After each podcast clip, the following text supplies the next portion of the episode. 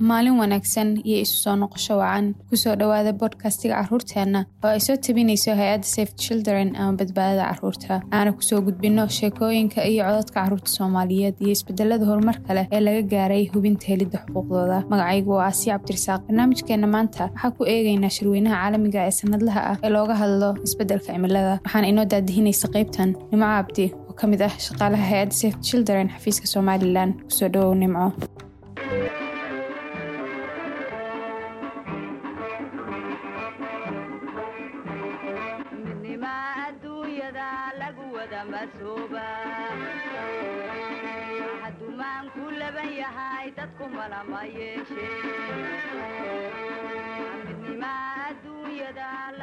toddobaadkii hore la soo dhaafay dhammaadkiisa waxaa magaalada dubay ee dalka isku taga imaaraadka carabta ka furmay shirweynaha loogu magac daray cop oo lagu falanqeeyo isbeddelka cimilada kaasoo ka qayb qaadanayaan dowlado kala duwan hay'ado iyo ururo bulsho waxaa maanta barnaamijkeena ku eegi doonaa isbeddelka cimilada iyo qorshayaasha dowladda somalilan ay ka qayb qaadanayaan shirkan.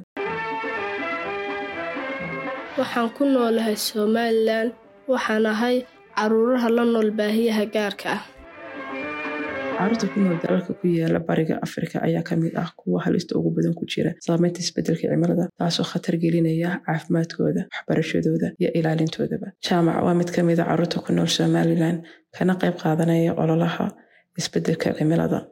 In aan ahay ilmo baahiyaha gaarka ah qaba ma ahan shay fudud khaasatan marka aanay jirin fudaydayaasha sahlaya in aan u noolaado ilmo caadiya. Haddaan tusaale heer soo qaato anuu caruurtii xaafadda ma dhex galo marka ay garoomo xaafadda ka durugsan ay tegayaan. Sababtoo ah waxaa u soo bixi kara si kadis ah bahal dad cuna markaas ay ka carari karayaan iyagu aansan anuu ka carari karin aana iyaguna i caawin karin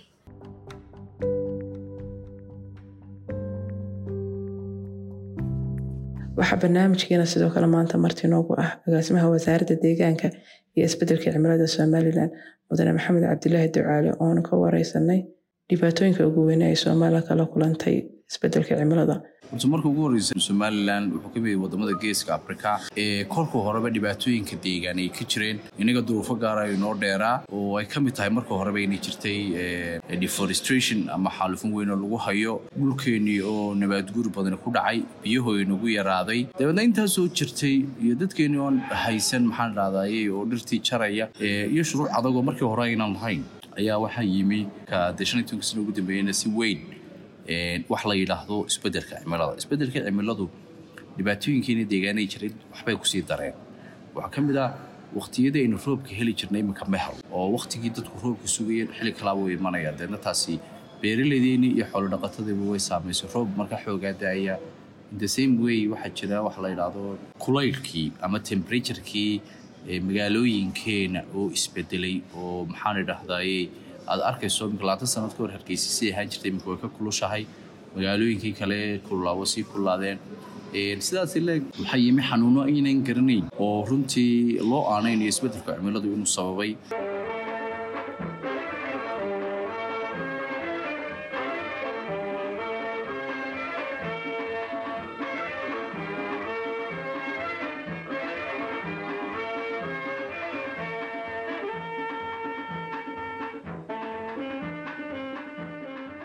isbeddelka cimiladu saameyn aada u weyn ayuu ku leeyahay bulshada gaar ahaan carruurta la nool baahiyaha gaarka ah kuwaasoo aada ugu nugul dhibaatooyinka uu sababo isbeddelka cimiladu. Isbeddelka cimiladu waa cimilada oo si kadis ah isku beddesha taas oo keenta fatahaado abaaro waxaanay saameyn taban ku yeelataa bulshada gaar ahaan carruurta baahiyaha gaarka ah ku nool. Dhibaatooyinka ay keento waxaa ka mid ah barakac taas oo ku keenta in bulshadu ay ka barakacaan goobta ay deganaayeen waxaanay si sababtaa waxbarasho la'aan caafimaad la'aan nafaqo daro kuwaas oo ay saameynta ugu badani ay ku dhacdo carruurta baahiyaha gaarka ah la nool. Waxaan aaminsanayay saameynaha ugu waaweyn inay carruurta ku leedahay. Waayo ilmuhu markuu korayo wuxuu u baahan yahay cunto dhammaystiran ama inuu cunto helo nafaqa wuxuu baahan biyo nadiifa inuu helo wuxuu baahan caafimaad inuu helo wuxuu baahan nabadgelyo helo wuxuu baahan waxbarasho helo. Haddana markaa qodob qodob u aago aan ku horeeyo qodobka biyaha marka ugu horreysay isbeddelka cimiladu saameyn bay ku yeeshay biyahaynu haysanay oo roobkii baa yaraaday abaaraa dhacay. Taasi markaa si toosa waxay u saamaysay in carruurta ay aanay heli karin biyo nadiifa ama ay cabaan dabadeentaasina waxay sababtay nafaqa daro iyo xanuuno markaa dee caruurtii la soo gudboonaanayo. Sidaasi la mid ah maadaama isbedeshay cimiladii maxaa la idhahdaa drawdskii wixiina ay wakti badan qaateen. Iyaduna waxay saamaysay wax soo saarkeeni. Taasoo iyaduna sababtay in cuntadeena yaraato sixirkii maxaa la idhahdaa adduunyada ku xitay nagu imanaya pricekiina uu kordho. Taasi markaa waxay keentay wax la yidhaahdo maxaan idhahdaye in carruurta qudhoodii nafaqadara ku dhacday iyo arrimo la xidhiidha maadaama cuntadii nafaqada hayday helayeen meesha ka baxday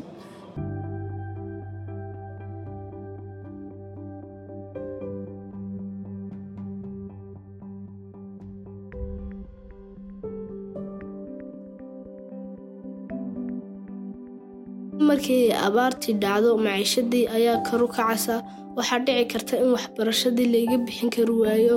Waxaa dhici karta in maanta qalinkii aan iibsan jiray amba buuggii aan iibsan jiray qiimuhu ah u kor uga sii kaco aan iibsan kari waayo. Sidaa darteed aan waxbarashadii iska sii xidhxidho. Waxaa kaloo dhici karta in aan xanuunsan karo aanay markaa xaafadda ayadu maciishadiiyo kor u kacday darteed dhakhtar aanan tegi karin waxaa dhici kartoo kale in shalay toole markii aan cunto isku dheeli jiran oo caafimaadkayga lagu ilaalin jiray aan cuni jirin maanta inaanay jirin oo ay nafaqadaydii hoos u dhici karto. Markaa haddii ani intaas igu dhacday imise kaloo caruuroo kaloo fara badan ay ku dhici kartaa sida ay ani igu dhacday oo kale. Agaasma wuxuu sidoo kale aanu ka wareysanay. Tallaabooyinka iyo qorshayaasha uga meel yaalla ka dowlad ahaan say wax uga qabtaan isbeddelka cimilada iyo sidoo kale loo xaliyo dhibaatooyinka soo noqonoqonaya u sababay. Marka ugu horeysaa qodobka lagu duuday horta waa dastuurkeena somalilan iyo maxaan idhahdaa fishinkeena labada kun iyo soddonka labaduba waxayna farayaan in la ilaaliyo waxa la natural conservation. Shuruucd kalena way jirtaa. Taasina macnaheedu in la helo deegaan caafimaad qaba oo markaa ay dee dad caafimaad qaban runtii ku noolaadaan marka runtii maadaama populationkeenu korayo waxa loo baahanayaa yani culays fara badan ayaa ku imanaya deegaankii. Maadaama aynu ku naalno dhul runtii juqraafiyad ahaan aynu eeg marka roobku inugu yaraa iminkana uu isbedelay taasina culaysideedii leedahay. Saa daraaddeed wasaaradda qorshaha guud ee qaranka iyadoo ka guuraysa ayaa xoogga waxaanu saarnaa. Number one waxaanu saarnaa waxa la yidhahdo horta marka shuruucda in kor loo qaado lagu ilaalinayo deegaanka waxaa kaloonu samayna markaa barnaamijyo isugu jira short term iyo long term. Oo dhammaantood rays eegaya in wax laga qabto dhulkan frenchlandkan ka hadlay. Waxaanu samaynaa qorshayaal waaweyn oo runtii lagu wacyigelinayo dadku inay dhuxuldhagaxa iska daayaan. Waxaa ka mid ah barnaamijyo wax laga qabanayo caraguurka ama waxa la yidhahdo nabaadguurka iyo xaalufinta sidaa daraaddeed waxaanu samayn waxa la yidhahdo meelaha dhirta lagu tarmiyo ama nersariska la yidhaahdo ilaa shan nationala la sameeyo waaweyn. Sanadkii in shan boqoloo kunoo geed baanu qaybinaa. Qorshahaygu wuxuu yahay in muddada shanta sane soo socotaa dadkeennu dhaqanka waxbeerista iyo cagaareynta ay bartaan taasoo islaana shaqada ugu weyn dowladda hoose ay kala qaadanaya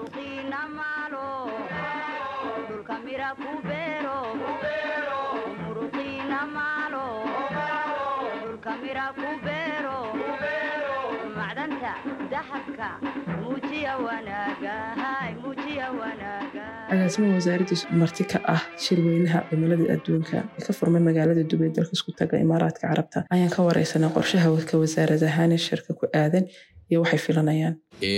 Si guud haddaad u eegto ujeedada horta shirka loo qabanay gebigiisa waxa weeye. Sidii bal laysula eegahaa ama fursada loogu heli lahaa in laysla garto. Sidee baynu u samayn karnaa waxa la yidhahdo global solutions ama xalal caalamiya.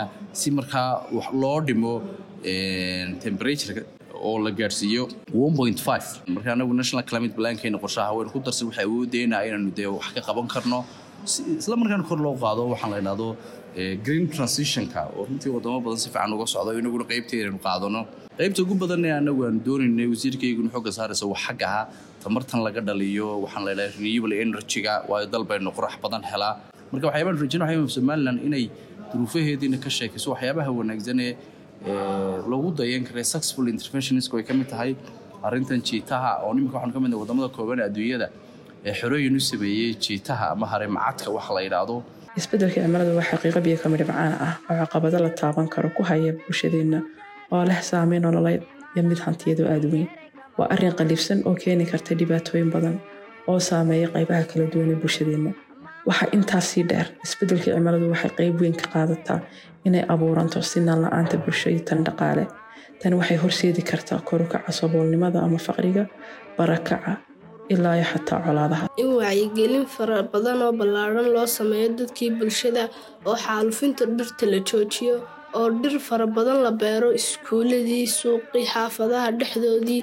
Markasta oo dhir la beerayaana waxay ka micno tahay marka in lagaga hortegayo isbeddelkii cimilada